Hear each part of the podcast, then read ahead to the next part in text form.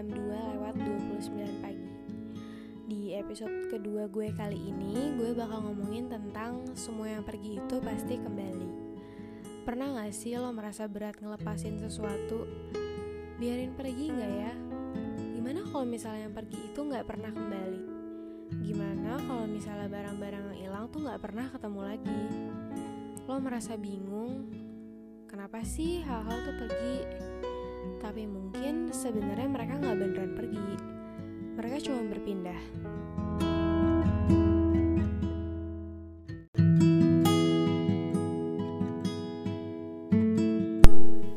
Nah, sebelumnya gue mau ngucapin banyak terima kasih buat kalian yang udah dengerin episode pertama kemarin. Gue gak nyangka ternyata yang dengerin bakalan lumayan banyak dan feedbacknya pun cukup rame. Kalau misalnya kalian udah ada di episode 2 kali ini, berarti racun gue kemarin soal podcast berhasil ya.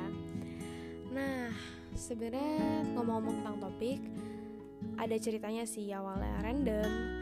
Gue lagi mudik ke lebaran kemarin dan mikir uh, lebaran itu mempertemukan kita sama orang-orang keluarga yang kita udah lama gak ketemu, yang tinggalnya jauh, mencar, berpisah-pisah, beda pulau bahkan itu ke satu tempat kumpul lagi. Dan nyampe ada timbul pemikiran berarti sebenarnya yang pergi itu pasti balik ya. Dan mau kita lepas, mau kita bebasin kalau emang untuk kita kalau emang porsi kita, dia bakalan balik lagi. Dan hal ini menurut gue berlaku untuk barang dan orang. Karena kalau misalnya kesempatan tuh beda lagi ya, karena kan kesempatan tuh nggak datang dua kali, itu beda.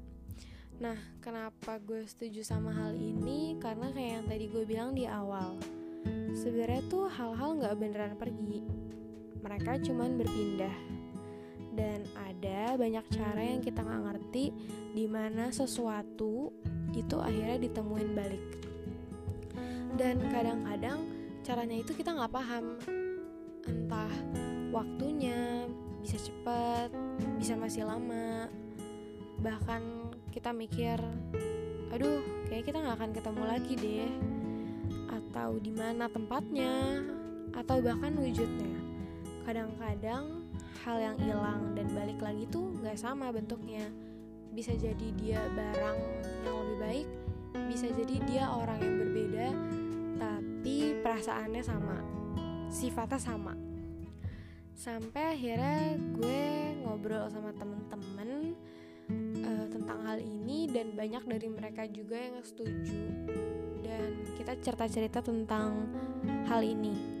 Sampai gue tuh ngobrol sama salah satu temen gue ini Rage. Rage kalau misalnya denger ini pendapat dia tuh beda. Dia bilang kadang tuh hal-hal pergi untuk jadiin pelajaran. Kalau misalnya hal itu tuh sebenarnya berarti nggak sih buat kita? Dan saat itu gue mikir wow ini perspektif yang lain lagi. Kayak contohnya tuh misalnya lo punya barang dan lo nggak sengaja ketinggalanin barang itu ketinggalanin ninggalin barang itu di satu tempat lo pergi barang itu hilang dan barang itu nggak bakal balik lagi dong. Barang itu untuk lo porsi lo tapi lo teledor jadi dia hilang ya udah. Gak balik gitu aja. Dan itu emang beneran jadi pelajaran. Tapi akhirnya gue ngerti kalau misalnya kita usaha, kita bikin hal itu balik lagi sama kita, atau kita berharap, atau kita berdoa, atau hal-hal lain yang semesta lakuin kita nggak ngerti, bikin kita bisa ditemuin sama hal itu lagi. Dan sebenarnya hidup tuh lingkaran gak sih? Kayak loop. They move, but they came back. Dengan wujud yang sama, ataupun beda itu nggak ada yang pasti mereka berputar mereka berpindah tapi sebenarnya mereka bakalan balik ke titik yang sama kalau misalnya kata Banda Neira yang patah tumbuh yang hilang berganti. Kalau kata gue, yang pergi pasti kembali, dan yang dilepas pasti punya arti.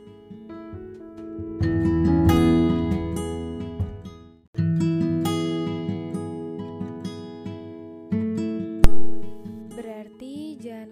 sedih ataupun berat ngelepasin sesuatu karena kita harus bisa ngelangkah maju dan hadapin kenyataan kalau misalnya yang untuk kita pasti balik untuk kita.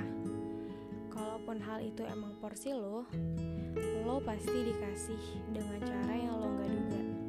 Kalau dia emang untuk lo lo mungkin akan datang ke dia atau dia bakalan jalan datangin lo di semasa sekarang ataupun nanti atau di tempat yang lo gak kira.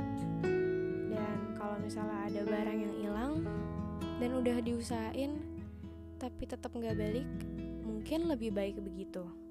Dan pasti kok diganti sama yang jauh lebih baik. See you